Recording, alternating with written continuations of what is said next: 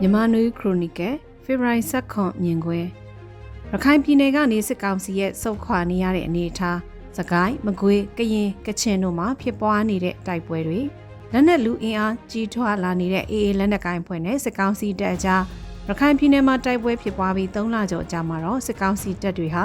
ရခိုင်ပြည်နယ်ရဲ့စစ်မျက်နှာတွေမှာအရှုံးကိုစကလုံးလှလှနဲ့တုံးကြတဲ့အုံလုံးနဲ့ဆိုခွာစစ်နဲ့လက်နက်ချတာ တစ်ဖက်နိုင်ငံနဲ့ထွက်ပြေးပြီးအစိုးရချင်းဆက်သွယ်ကပြန်ပို့ခံရတာတွေဖြစ်ပွားနေပြီးခုရပိုင်းနောက်ဆုံးသတင်းတွေမှာစစ်ကောင်စီတပ်တွေကရခိုင်မြောက်ပိုင်းကနေဆုတ်ခွာလာတဲ့လမ်းကြောင်းပေါ်ကတရားတွေဖျက်ဆီးတာခုခံစစ်အတွက်ယူဟာအရအသာစီးရမယ့်နေရာတွေမှာအင်အားပြန်စုစည်းတာအရင်ဖြန့်ကျက်ထားတဲ့အချို့သောနေရာတွေကိုလက်လွတ်ပြီးအင်အားစုစည်းတာတွေလုပ်နေတဲ့အခြေအနေဖြစ်ပါတယ်။ရခိုင်တောင်ပိုင်းကိုဆက်လက်ထိန်းချုပ်ထားဖို့ဘယ်နေရာကနေခုခံမလဲ ပြည်내မြို့တော်စစ်တွေကိုဘယ်လိုခုခံကာကွယ်မလဲဆိုတာတွေကစစ်ကောင်စီဖို့လက်တလောလောတကြီးစုံဖြတ်ရွေးချယ်ရမယ့်ကိစ္စရက်တွေဖြစ်လာနေပါပြီ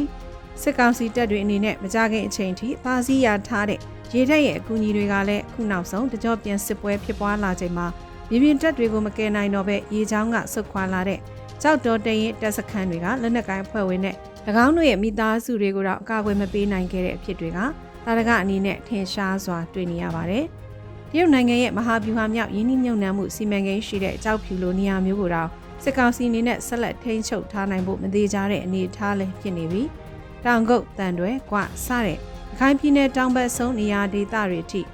အေအေကသိမ်းယူဖို့အီမန်ထားတာဖြစ်ကောင်းဖြစ်နိုင်ပြီးစစ်ကောင်စီအနေနဲ့ရခိုင်ပြည်နယ်ကိုဘယ်အစိပ်ပိုင်းဆက်လက်ထိန်းချုပ်ထားနိုင်မလဲဆိုတာအာမမခံနိုင်တဲ့အနေအထားမျိုးရောက်နေပြီဖြစ်ပါတယ်။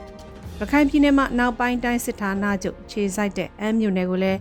အေးအနေနဲ့ဝေးကြီးမဟုတ်တဲ့အနေအထားလလန်းမီတဲ့အနေအထားရှိနေတဲ့သဘောဖြစ်ပြီးဒုတိယရှမ်းမြောက်ဖြစ်မျိုးကြုံရနိုင်တဲ့အနေအထားရောက်နေပြီလို့ဆိုရင်မှားမယ်မထင်ပါဘူး။ရခိုင်စစ်မျက်နှာမှာစစ်ကောင်စီတပ်တွေတစ်ခုပြီးတစ်ခုစုခွာလက်နက်ချတာတွေဖြစ်ပွားနေချိန်မြန်မာနိုင်ငံရဲ့အခြားသောဒေသတွေမှာလည်းစစ်ကောင်စီတပ်တွေနဲ့တိုင်းသားလက်နက်ကိုင်ဖွဲ့တွေ PDF လက်နက်ကိုင်ဖွဲ့တွေနဲ့ဒေသလိုက်ပြင်းပြင်းထန်တဲ့တိုက်ပွဲဖြစ်ပွားနေတာတွေ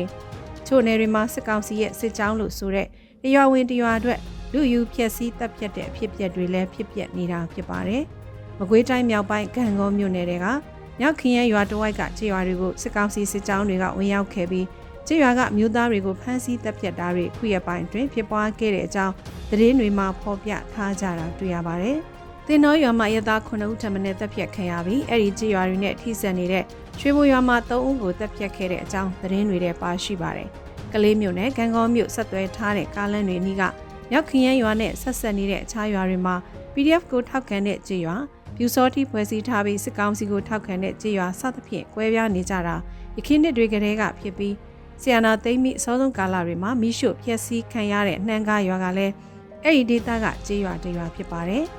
ဒီဒေသမှာ energy လက်အောက်ကမဟုတ်ဘဲဒေသလိုက်ဖွဲ့စည်းထားတဲ့ LPDF တွေရှိတယ်လို့ energy လက်အောက်ကပကဖလို့လက်နက်ကိုင်းဖွဲ့တွေလည်းရှိကြတာဖြစ်ပါတယ်။ဒိုင်းသားလက်နက်ကိုင်းဖွဲ့စည်းရှိတဲ့ဒေသမဟုတ်ပဲ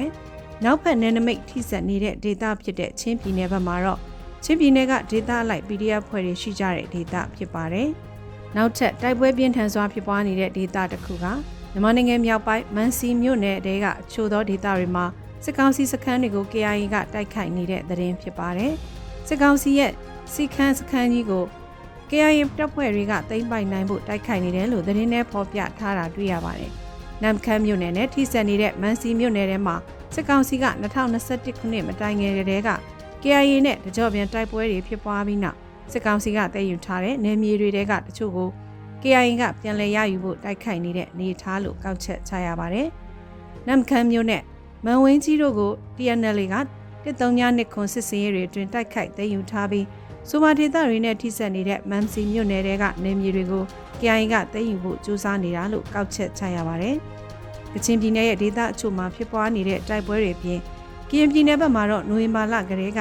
KNL နဲ့ပူးပေါင်းဖွဲ့တွေကသိမ်းယူနိုင်ဖို့တိုက်ခိုက်နေတဲ့ကော့ဂရိတ်မြို့သိမ်းတိုက်ပွဲကဆက်လက်ပြင်းထန်နေဆဲဖြစ်တယ်လို့သတင်းတွေထဲဖော်ပြထားကြတာဖြစ်ပါတယ်။သုံးလကြာတိုက်ခိုက်နေတဲ့မြို့သိမ်းတိုက်ပွဲအတွင်း မြို့ကန်တွေသေဆုံးမှုဆယ်ကနန်းနဲ့ရှိနေတာဖြစ်ပြီးနေအိမ်တွေရက်ွက်တွေပြီးလောင်ဆုံးရှုံးမှုတွေဂျိုးကြားဂျိုးကြားဖြစ်ပွားနေရမှာခုချိန်ထိနေအိမ်300ကျော်မိလောင်ပျက်စီးခဲ့တယ်လို့လည်းသတင်းဖော်ပြမှုတွေရသိရပါတယ်။ကော့ဂရိတ်မြို့ဟာကရင်ပြည်နယ်နဲ့ထိုင်းနယ်စပ်ကုံသွေးမြို့မြောက်ရီနဲ့ကရင်ပြည်နယ်မြို့တော်ဖန်အကြားတည်ရှိတဲ့မြို့တစ်မြို့ဖြစ်ပြီးအိန္ဒုမြောက်ရီလမ်းမပေါ်ကမြောက်ရီကော့ဂရိတ်အာရှလမ်းရဲ့အစာလည်းဖြစ်ပါတယ်ရှင်။